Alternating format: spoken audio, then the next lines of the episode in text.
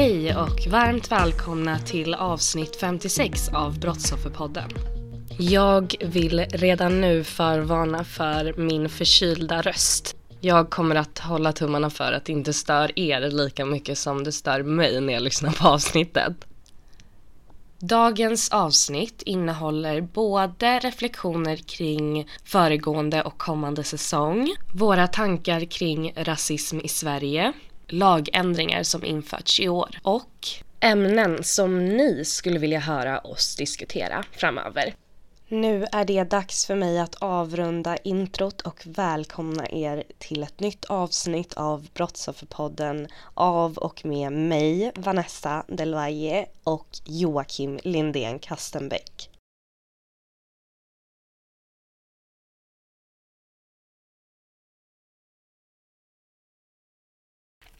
Hej Vanessa! Hej! Hej, nu sitter vi här igen. Länge sedan, Ja, verk, länge verkligen. sedan. Det känns nästan som att det är ett halvår sedan typ. Det kanske inte är, nu överdriver jag lite. Eh, jag vet faktiskt inte, men det var ju någon gång i, innan sommaren i alla Ja, fall. maj någon gång kanske. Mm, så det var ju typ det. Ja, har du haft det bra? Jag har haft det underbart. Du har sett Europa, har jag sett på sociala medier. Ja, jag åkte i, från Kroatien till Montenegro till Albanien och vi var borta i tre veckor. Vilket land tyckte du var bäst?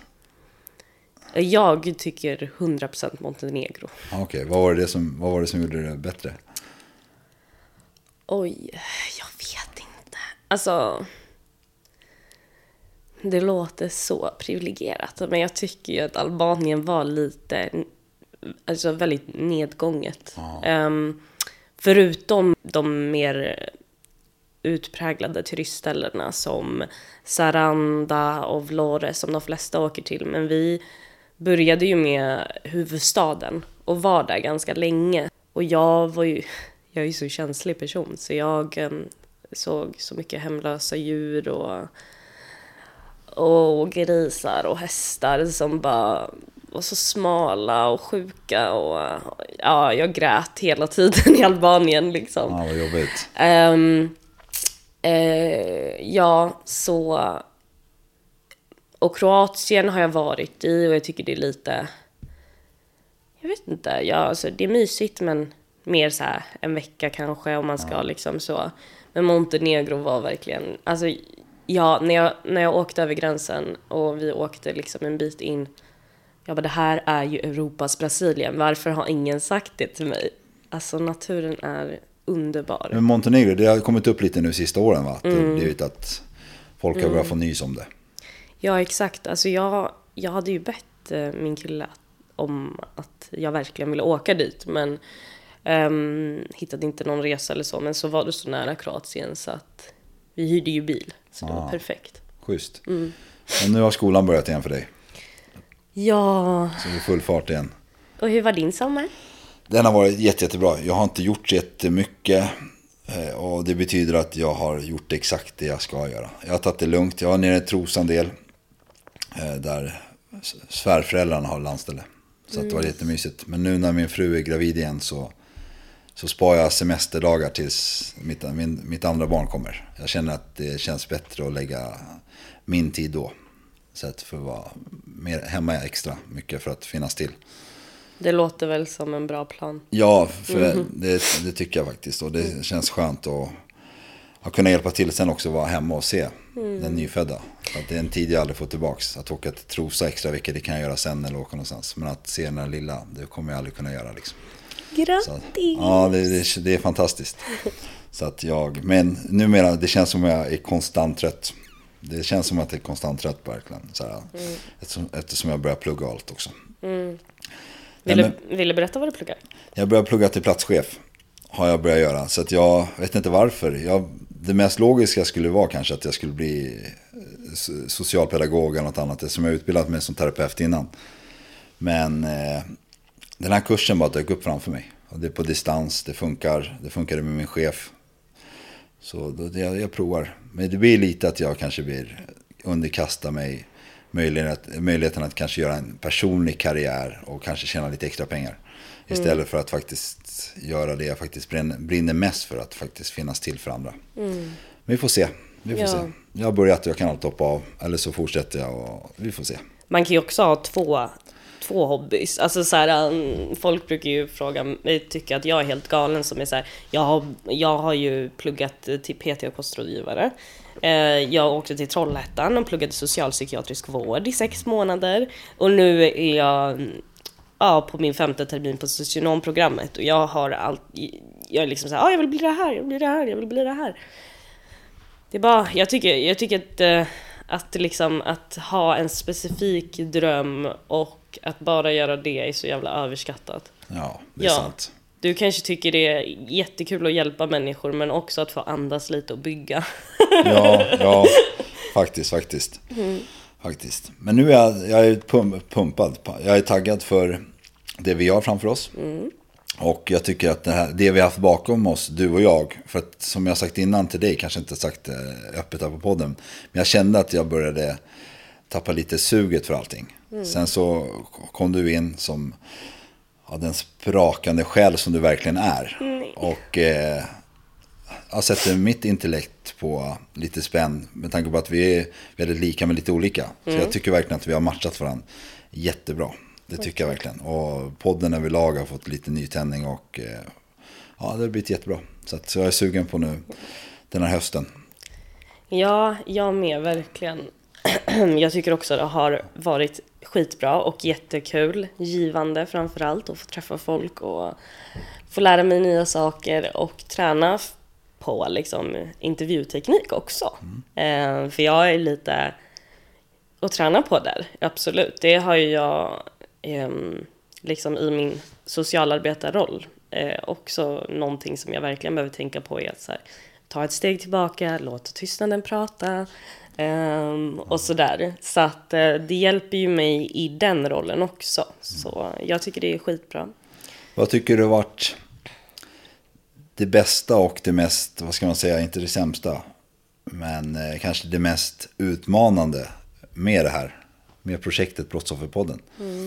Finns det någonting du tycker är så här sjukt jobbigt eller typ mindre roligt och är det någonting du tycker är sjukt roligt och sjukt givande? Oj. Alltså, vad svårt. Jag tycker ju typ inte att någonting som har med podden att göra är så här någonting som jag absolut inte vill göra. Utan jag tycker att det mesta är kul, förutom att om det blir något fel med typ teknik. Jag hatar teknik. Ja, då är vi två. Ja, men, eh, men annars så tycker jag ju att det är skitkul att intervjua och få läsa på om de här olika temana, få träffa både poliser, journalister, advokater, liksom.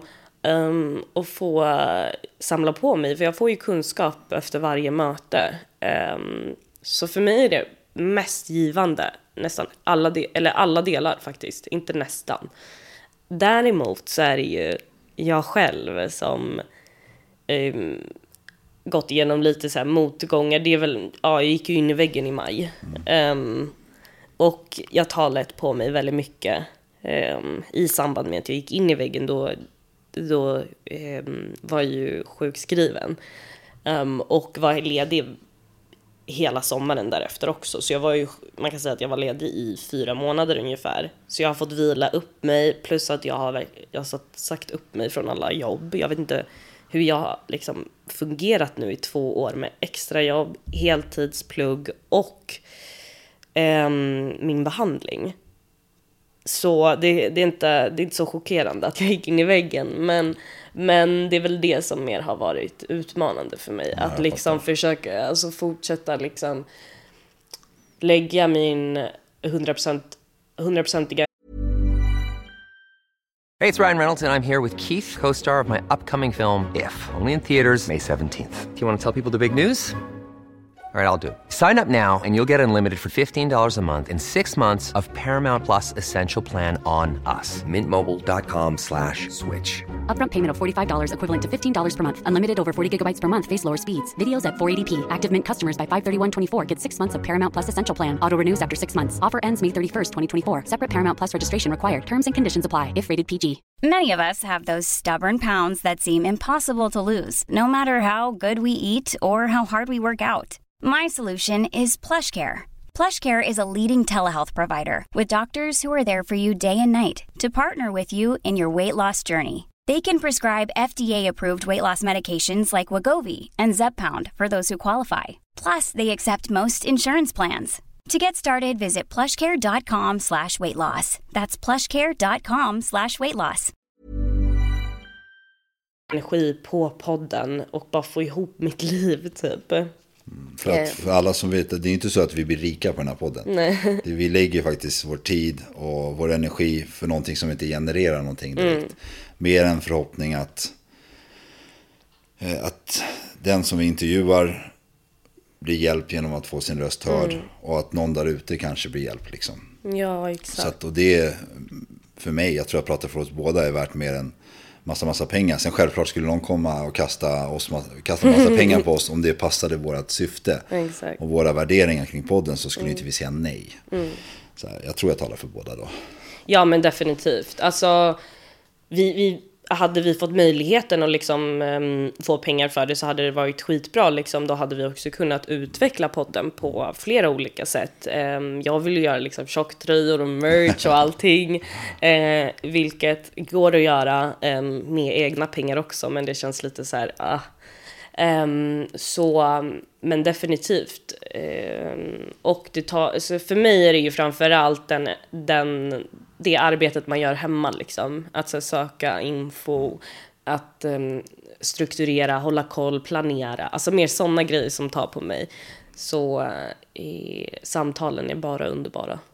Jag håller, med dig. Jag är väldigt glad att vi delar på redigeringen nu. För den var ju typ en av de första grejerna som fick mig att bara shit, ska jag fortsätta med det här? Var det. Men alltså du, du har varit med på ett gäng intervjuer nu. Och den första intervjun du var med på, det är en av de, typ, det låter faktiskt kraftigaste kan jag inte säga, men de mest gripande stories. Alla stories har ju varit gripande på sina sätt liksom, och varit hemska liksom. Men just den var extrem. Du bara kastades in i, i det. Helt ja. ja, alltså jag ka- kastades ju verkligen in i det. Ehm, men jag tror att jag var beredd faktiskt. Och att man, om man är förberedd, om man har förberett sig mentalt så är det inte super liksom... Det är mycket känslor när man pratar, men det är liksom mellan mig och den jag samtalar med där och då. Sen släpper man det.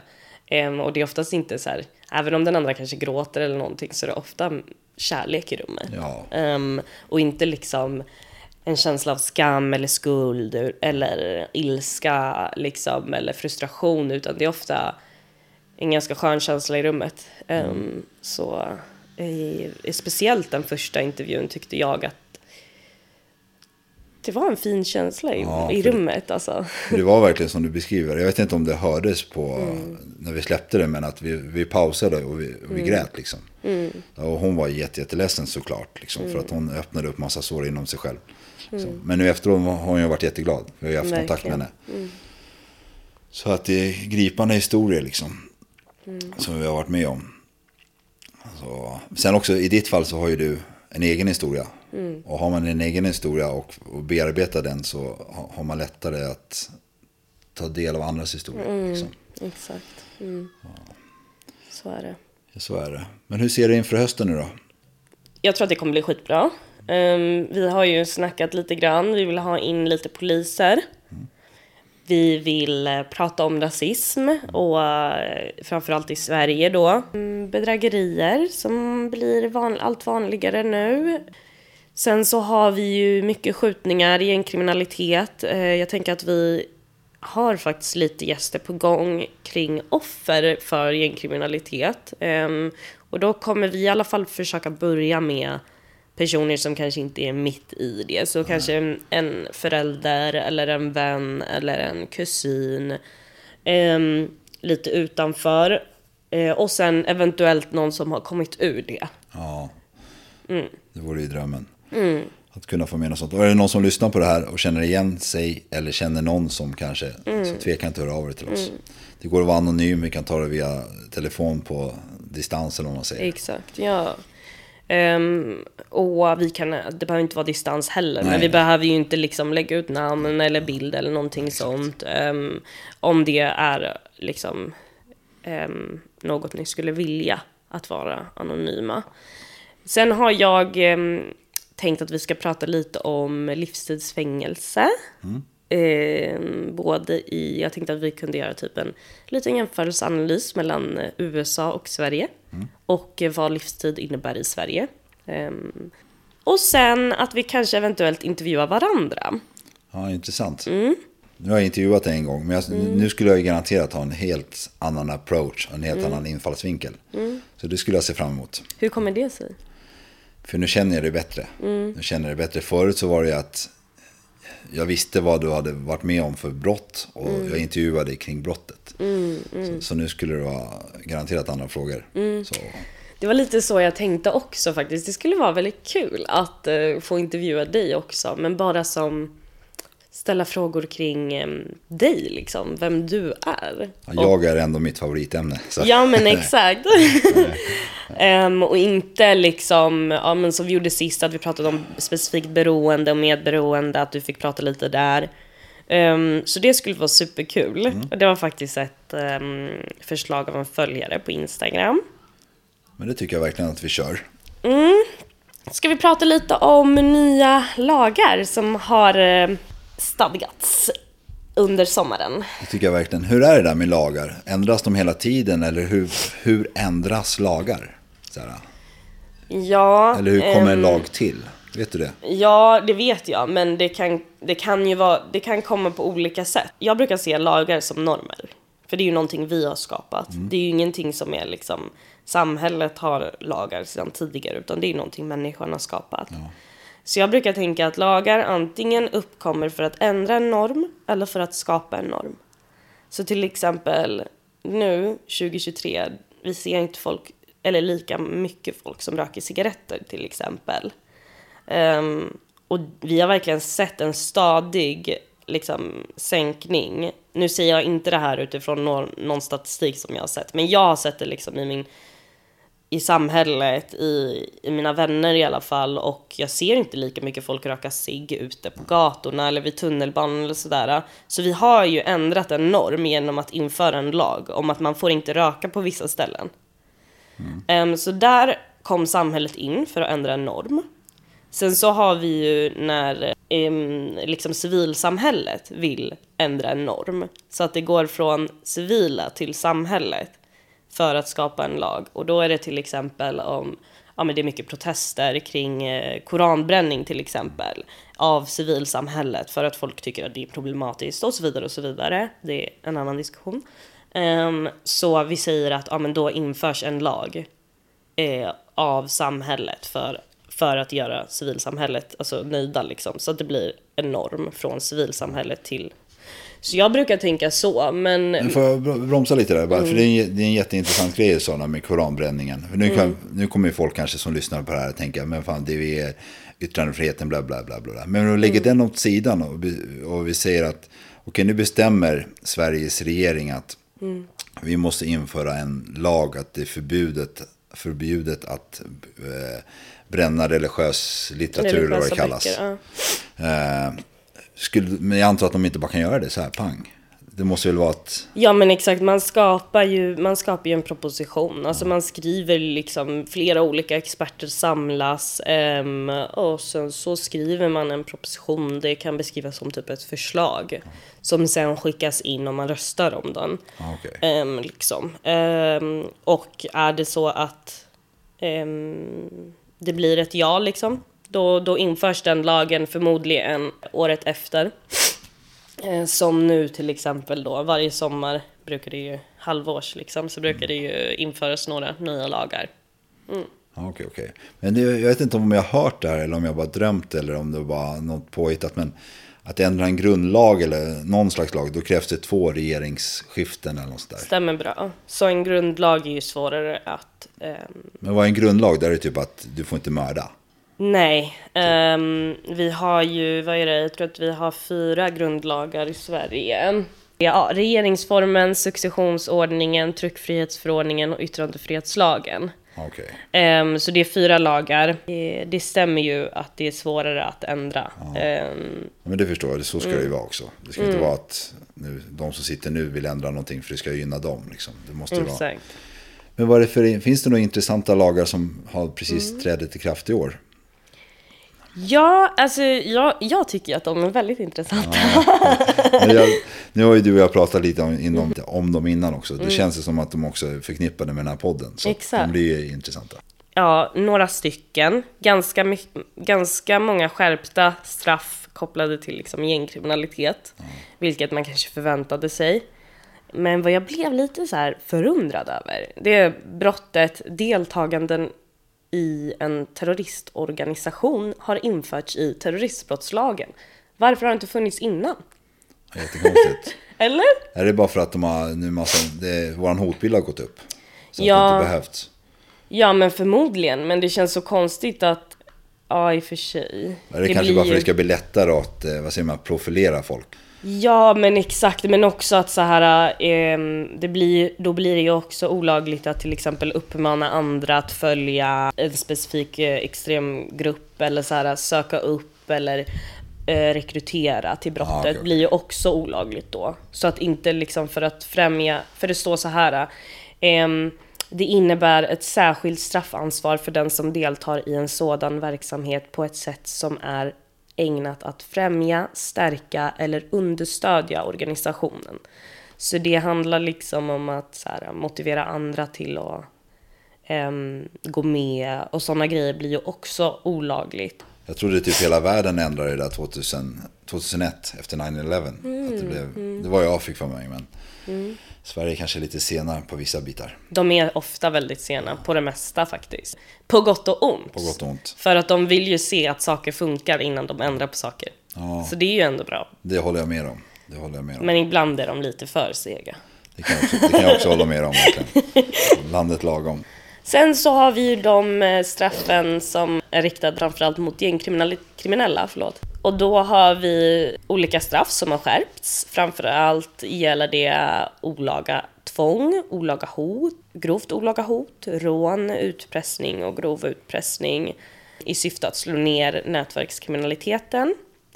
Sen så har vi också en ny typ av straffskärpningsbestämmelse som har införts vad gäller våldsamma uppgörelser bland kriminella.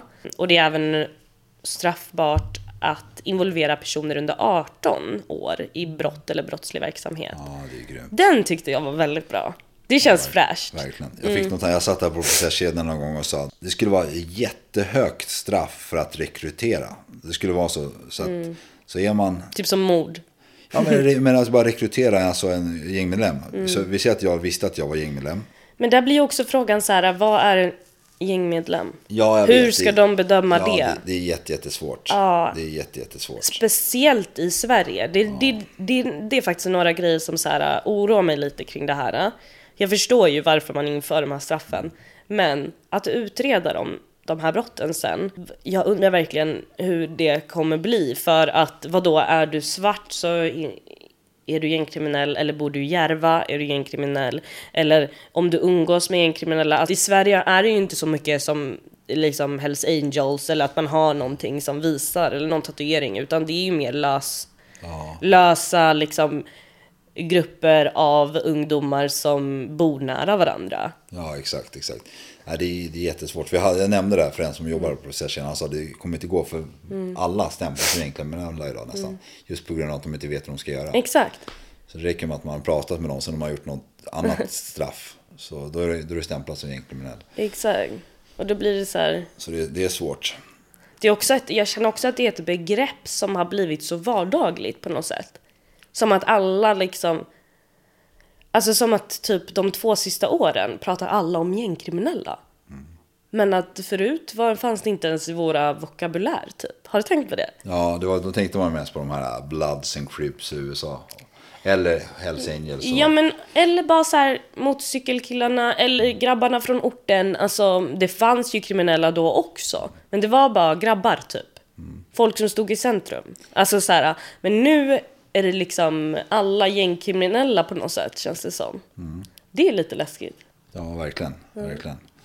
Och de här ungdomarna jag jobbar med som inte är kriminella, de vill gärna kanske påstå att de är har jag märkt. För det, det klär deras status när de lägger ut sina Instagram-bilder och rappar i den här micken här bakom mig.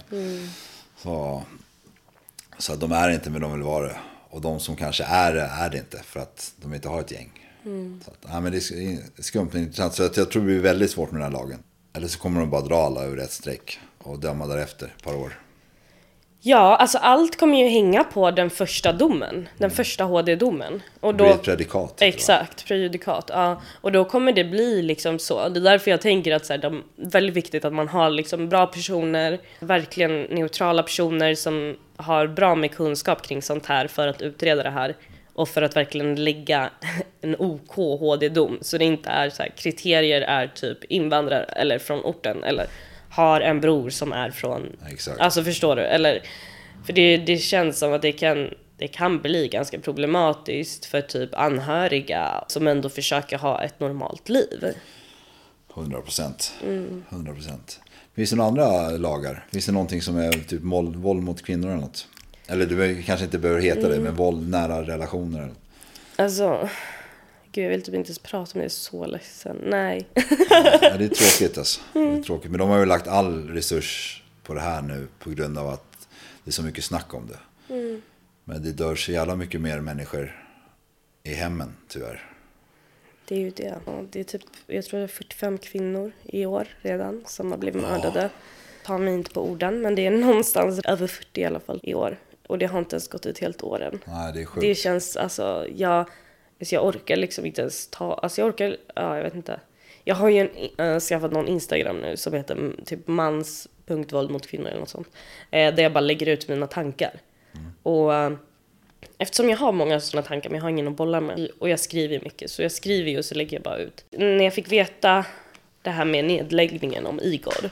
så Vad- tänk- så Förklara Igor, ursäkta att jag avbröt dig. Förklara Igor. det är ett program som eh, handlar om samverkan, egentligen hur man ska förhålla sig till våldsutsatta kvinnor. Eller ja, våld i nära relation överlag. Um, och sådär också, så det spelar ingen roll. Väldigt, väldigt stort program där eh, polisen, socialtjänsten, alla liksom tillsammans samarbetar och försöker både att jobba med kvinnorna och eh, de personer som utsätter. Och de har verkligen tagit allt det är bra från socialtjänstens liksom, förslag på insatser och samlat ihop en stort program som jag hade hoppats skulle bli ett nationellt program för personer som är utsatta för våld i nära. Och sen så fick jag reda på nu via typ Aftonbladet att det skulle läggas ner. Men jag vågar inte prata om det i podden för att jag inte läst om det tillräckligt. fattar.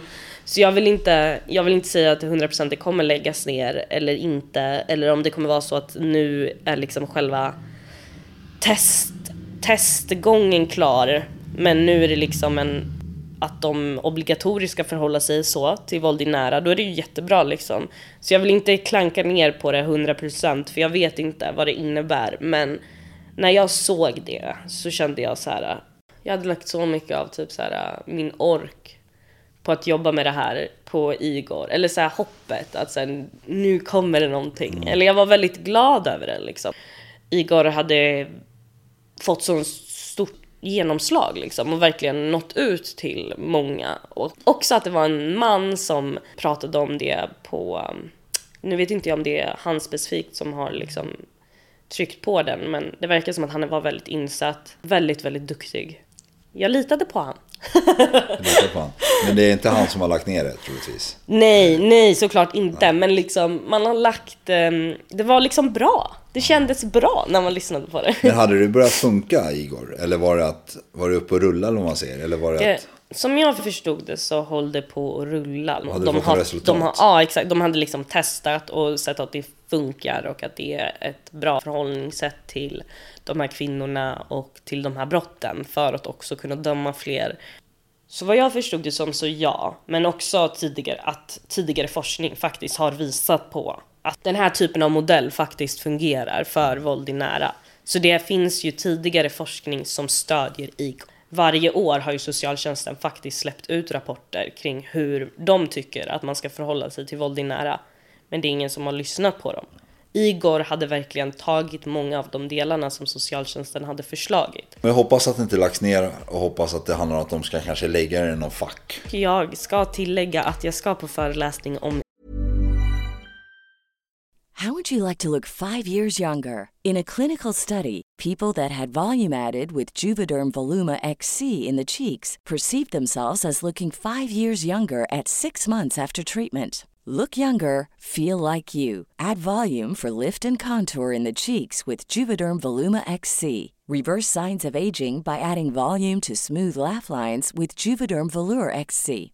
For important safety information and to find a licensed specialist, visit juvederm.com. That's J U V E D E R M.com. Not for people with severe allergic reactions, allergies to lidocaine, or the proteins used in Juvederm. Common side effects include injection site redness, swelling, pain, tenderness, firmness, lumps, bumps, bruising, discoloration, or itching. There's a risk of unintentional injection into a blood vessel, which can cause vision abnormalities, blindness, stroke, temporary scabs, or scarring. Talk to a licensed specialist to find out if it's right for you. Hey, it's Ryan Reynolds, and I'm here with Keith, co star of my upcoming film, If, only in theaters, May 17th. Do you want to tell people the big news? All right, I'll do it. Sign up now and you'll get unlimited for $15 a month in six months of Paramount Plus Essential Plan on us. Mintmobile.com slash switch. Upfront payment of $45 equivalent to $15 per month. Unlimited over 40 gigabytes per month. Face lower speeds. Videos at 480p. Active Mint customers by 531.24 get six months of Paramount Plus Essential Plan. Auto renews after six months. Offer ends May 31st, 2024. Separate Paramount Plus registration required. Terms and conditions apply if rated PG. Igor nästa vecka. Så vi kan prata mer om det Ja, efter okej. den föreläsningen. Då bromsar vi där. Det blir Ja. intressant att ta upp när jag intervjuar dig sen.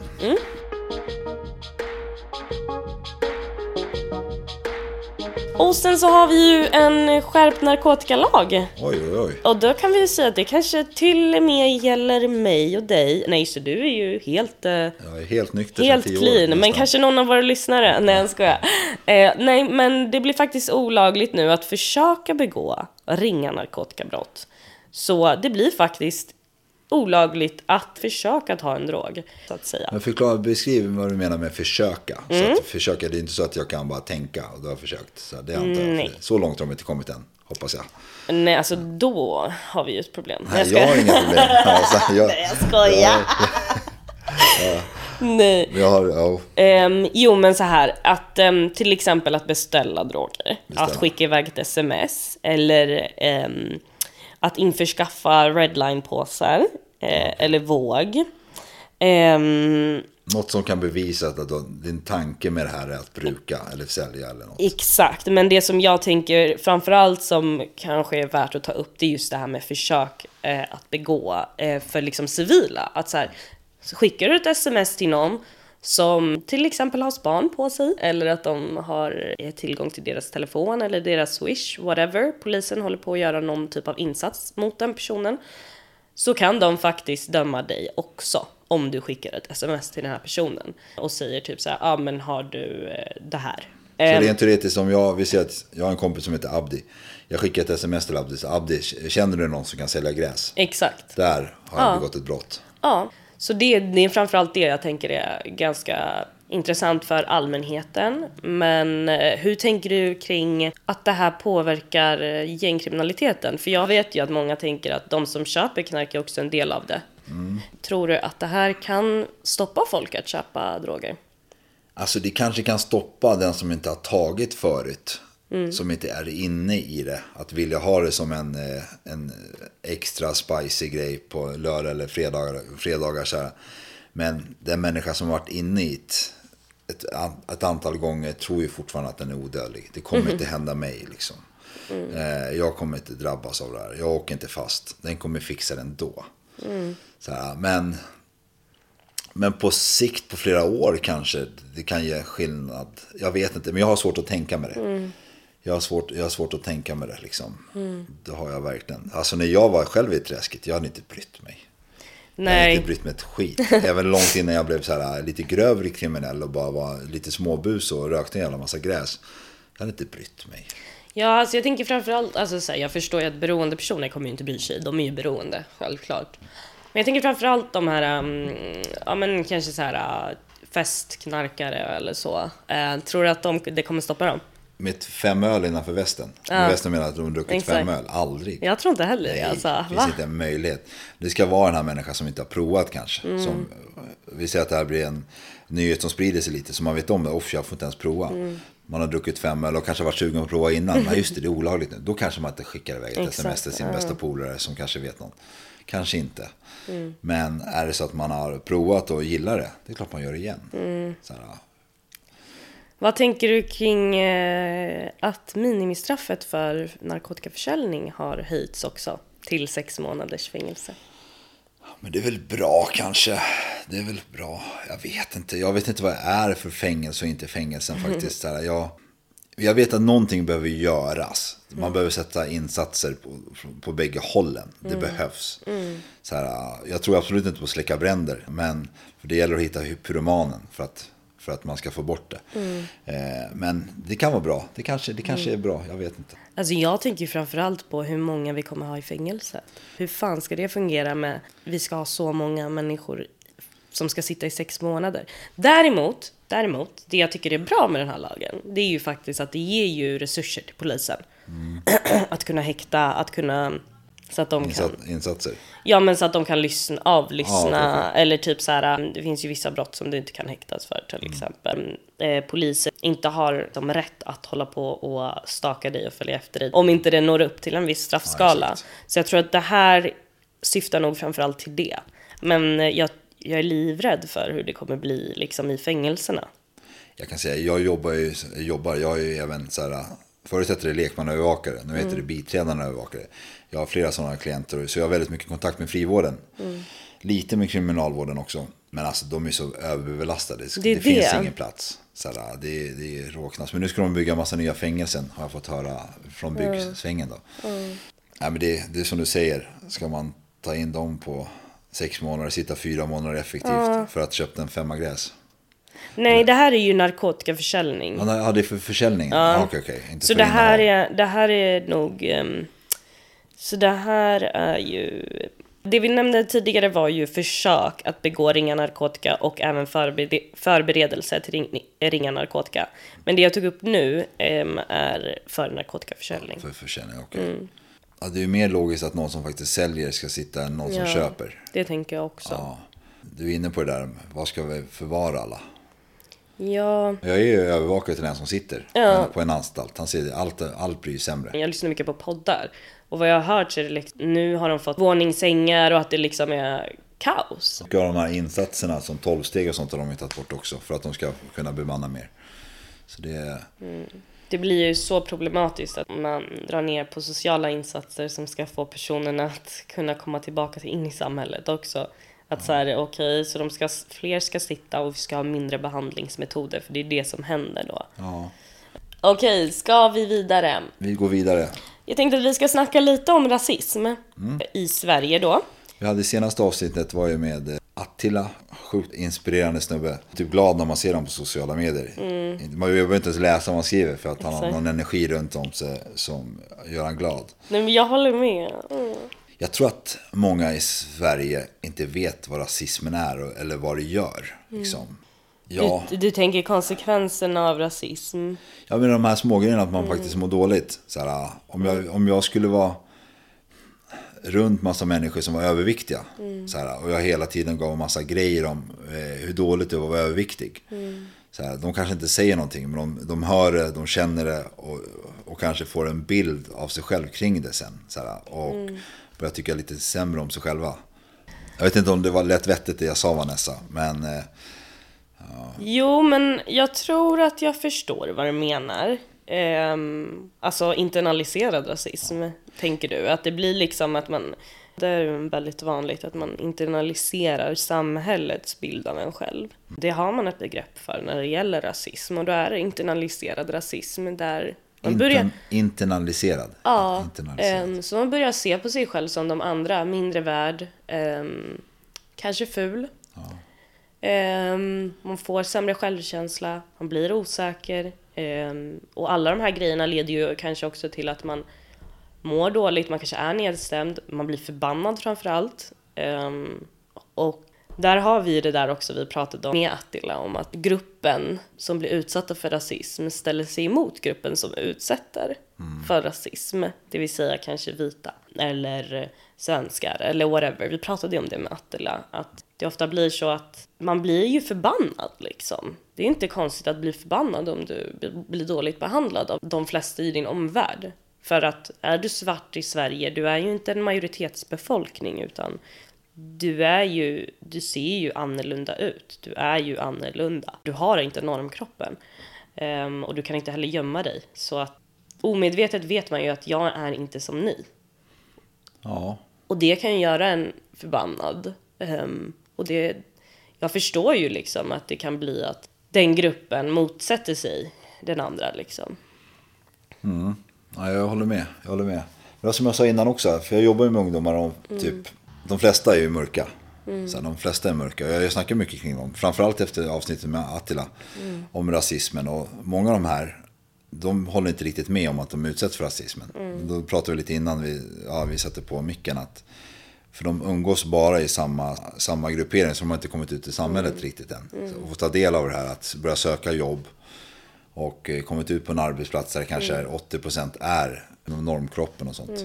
Sen är ju de här ungdomarna väldigt, ja, när de håller på med n-ordet som de gör hela tiden med varandra. Jag ser att ni får inte prata så här. Liksom.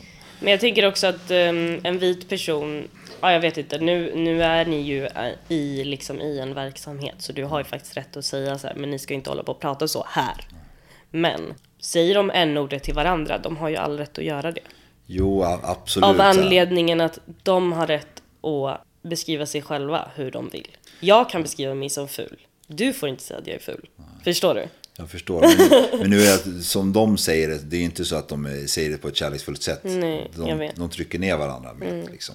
Så jag har fått dem att börja jobba att de ska säga snälla saker om varandra istället. Mm. Vi satt faktiskt en det var, det var jättefint. Men skitsamma, det är ett sidospår. Vi släpper Nej det. men jag tycker det är en intressant diskussion eh, och varför jag sätter mig emot och liksom försöker så här, eh, prata lite och liksom utveckla din tanke är av anledningen att det är många som är så här, äh, men vita personer som är så här, de säger ju en ordet hela tiden eller de sjunger ju om det hela tiden, varför ska inte jag kunna säga det? Och det är därför jag ändå vill säga liksom att vi har inte rätt att säga vad de ska eller inte ska säga. Eller om de ska beskriva sig med en ordet eller inte. Det är de själva som bestämmer det.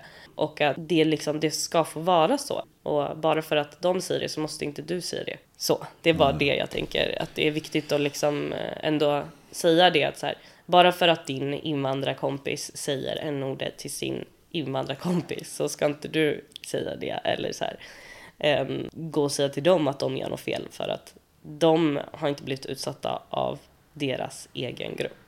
Förstår du? Ja, jag, förstår, jag förstår mycket väl. Mm. Jag blir bara irriterad på när de säger det på ett nedvärderande sätt till varandra. Nej men jag förstår, alltså jag kan ju, när jag hör det ordet, jag är ju såhär, säg inte så! Spelar ingen roll vem det är. Vad säger du? Det är liksom, för mig har det blivit som ett, eh, ett skällsord, eller så här. Så jag förstår ju hur du tänker, det, det låter ju väldigt negativt. Och det ska vara så i våra vita hjärnor. Eller vi ska tänka så i våra hjärnor för att vi ska inte säga ordet. Fattar du? Jag jobbar inom bygg, alltså, så jag tror mig, jag hör det ordet väldigt ofta. Av, Mm. eh, kanske inte ser till många svenskar längre, som har svenska, som, Mm. men kommer de typ från Östeuropa och sånt. Det, de är ju rårasism, de är fy rårasister. Är nej, de. usch. Ja. Framförallt mot mörka Mm. är de.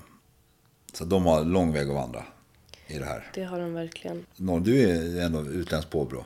Mm. Har du råkat ut för rasismen? I Sverige, ja. Alltså jag skulle säga att det framförallt var när jag var yngre. Nu skulle jag inte säga att jag känner mig väldigt utsatt eller på något sätt orolig över att bli utsatt. Jag, är väl, jag har tur helt enkelt och i de platserna jag befinner mig så utsätts jag inte för det. Sen så tror jag också det beror på vilka man har i sin närhet. När man är yngre så kan man inte riktigt välja vilken skola man ska gå i, vilka man ska omgärda sig med. Så här, om jag skulle vara hos min mormor eller så här, man bestämmer ju inte sin, sitt liv. Och då, då får man liksom se mer. Så mycket mer när jag var yngre. Men i Brasilien kunde jag också uppmärksamma väldigt mycket internaliserad rasism. Att de tycker ju att jag är väldigt vacker för att jag är så vit. Ja. Eh, Min familj är ju eh, mörka. Alltså min brassefamilj, den sidan av familjen är mörka. Ehm, Så när jag, varje gång jag har åkt dit så är det alltid så här, du är så vacker, du har en... Alltså typ så här, de kan till och med säga att jag har en sån vit näsa. Alltså så här, vem säger så? Eller så här typ, om jag har perfekta lockar för att jag har inte det här uh, afrohåret, men jag har ändå lockarna. Alltså du vet, typ att det finns grader av svarthet. Ja, jag fattar. Fattar du? Och det tycker jag är så himla alltså, hemskt. Ehm, för det blir väldigt tydligt, speciellt i ett land som Brasilien som har både vita och svart. Det är ju jätteblandat. Ehm, min pappa han är ju vit, min farmor är svart. Så det är så här ehm, blandat liksom. Och Jag måste säga vad Tupac rappade eller sjöng. Han bara The darker the flesh, the Mm. deeper the root. det är ju definitionen av internaliserad rasism. Att så här, du kan aldrig riktigt vara tillräckligt bra. Eller du är aldrig riktigt, riktigt liksom okej. Du måste alltid ändra någonting typ, känns det som. Eller så. Men, men jag tycker framförallt att jag, jag själv har, jag är inte en talesperson för rasism. Jag tycker jag har haft det väldigt, jag har haft det väldigt bra. Ehm, jag tror också att min mamma liksom som kan perfekt svenska och allting har, ju- har ju verkligen förmodligen räddat mig från att se sånt för att ingen kör med min mamma. Min mamma är stencool, svennifierad deluxe, alltså pratar bättre svenska än jag. Kom hit när hon var nio, jobbar på försäkringsbolag, har koll på alla liksom lagar och regler och sådana här du vet, myndighetsgrejer och sånt. Så att jag tror också att eh, hon har liksom varit den som är såhär, nej, du behandlar inte, de, de la ju mig på, det här kan vara ett exempel, men jag är ju född i Sverige. Bara för att mina föräldrar var, inte pratade svenska när de kom hit.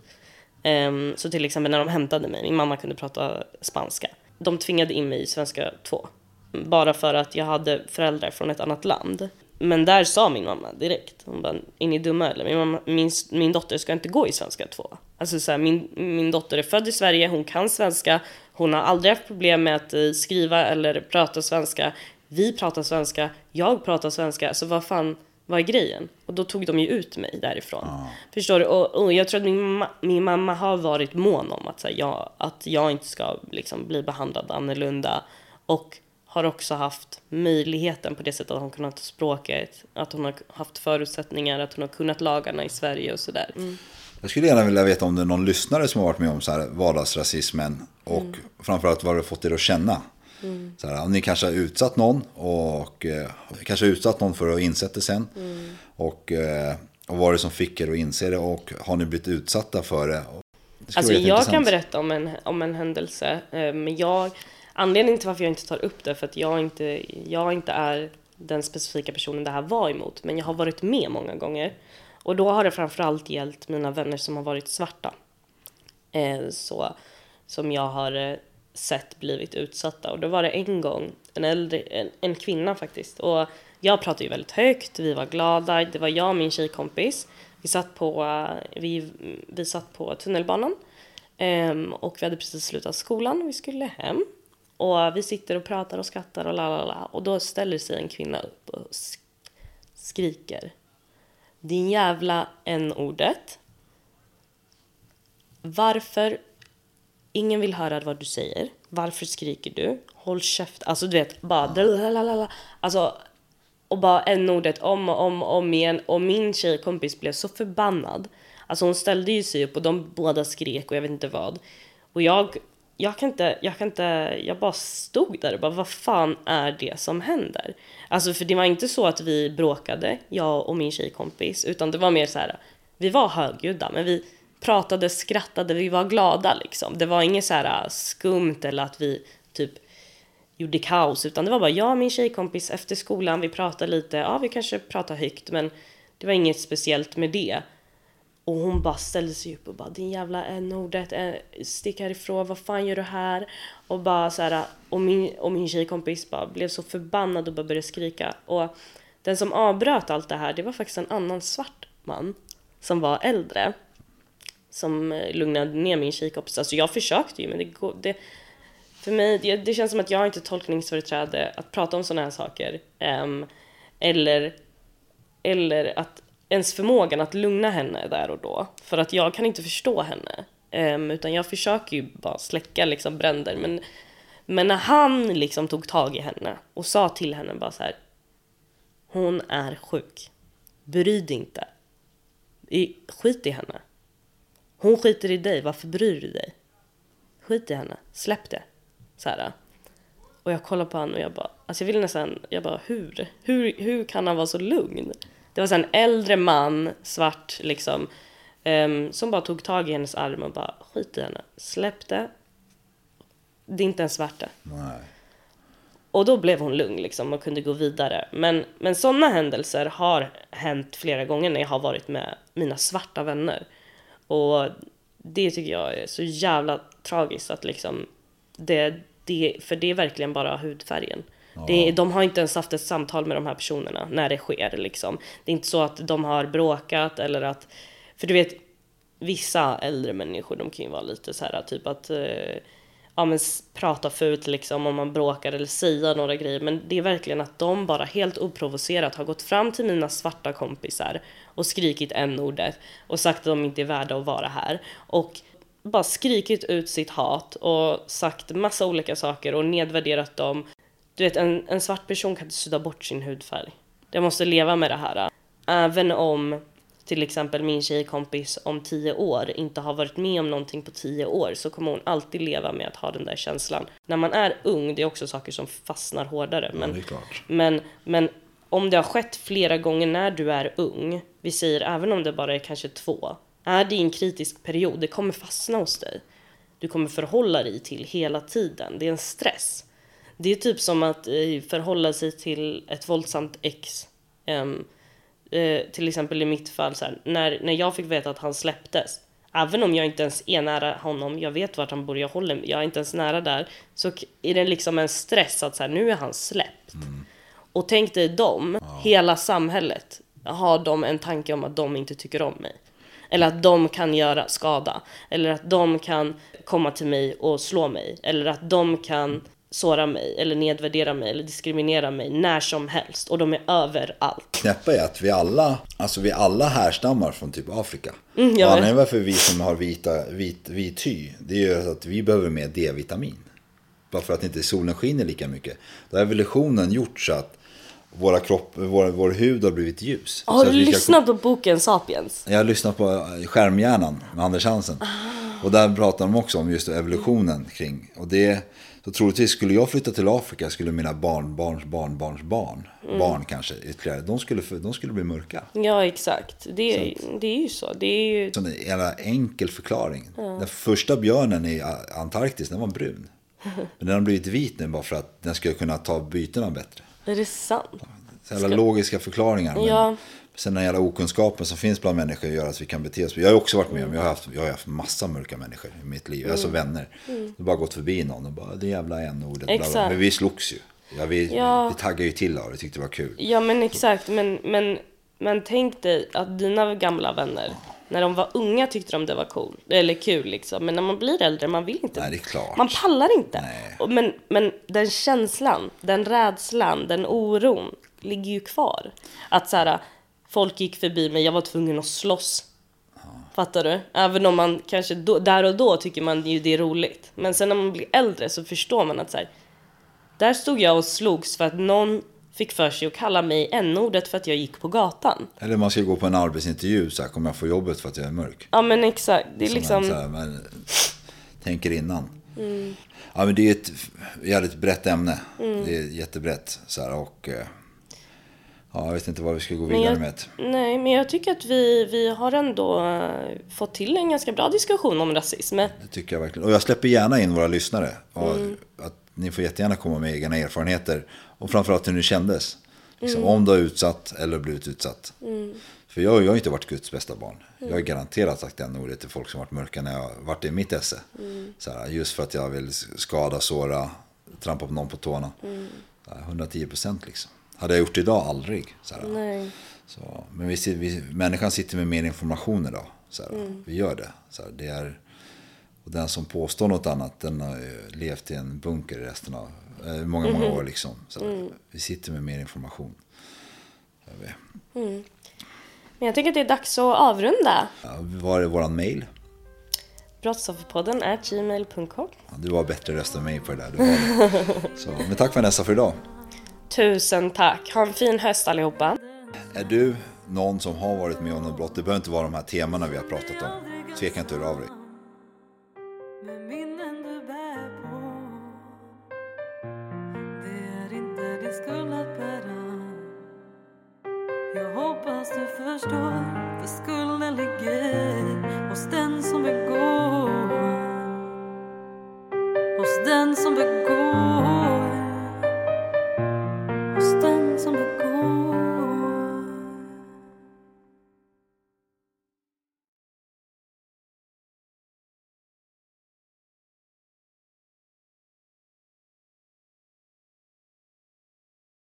Historia som berättas har satt sina spår.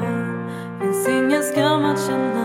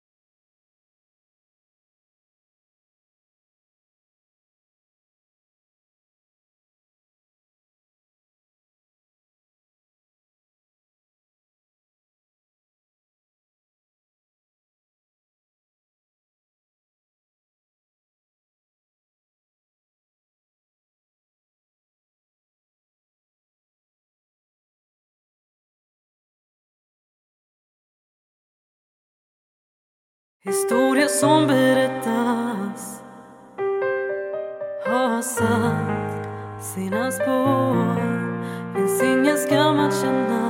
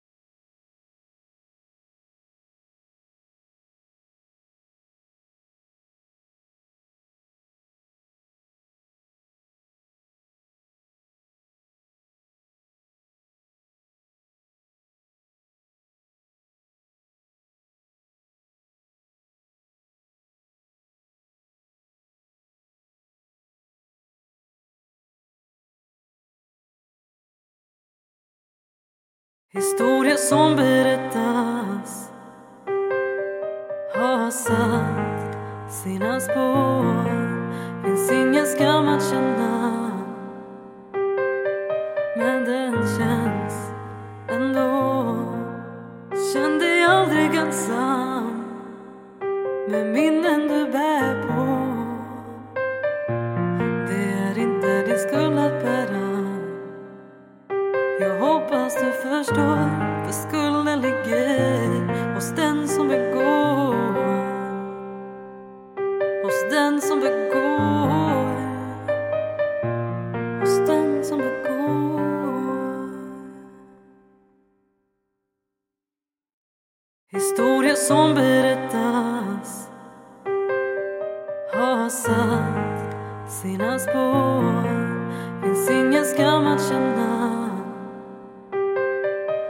den känns ändå. Känn dig aldrig ensam. Med minnen du bär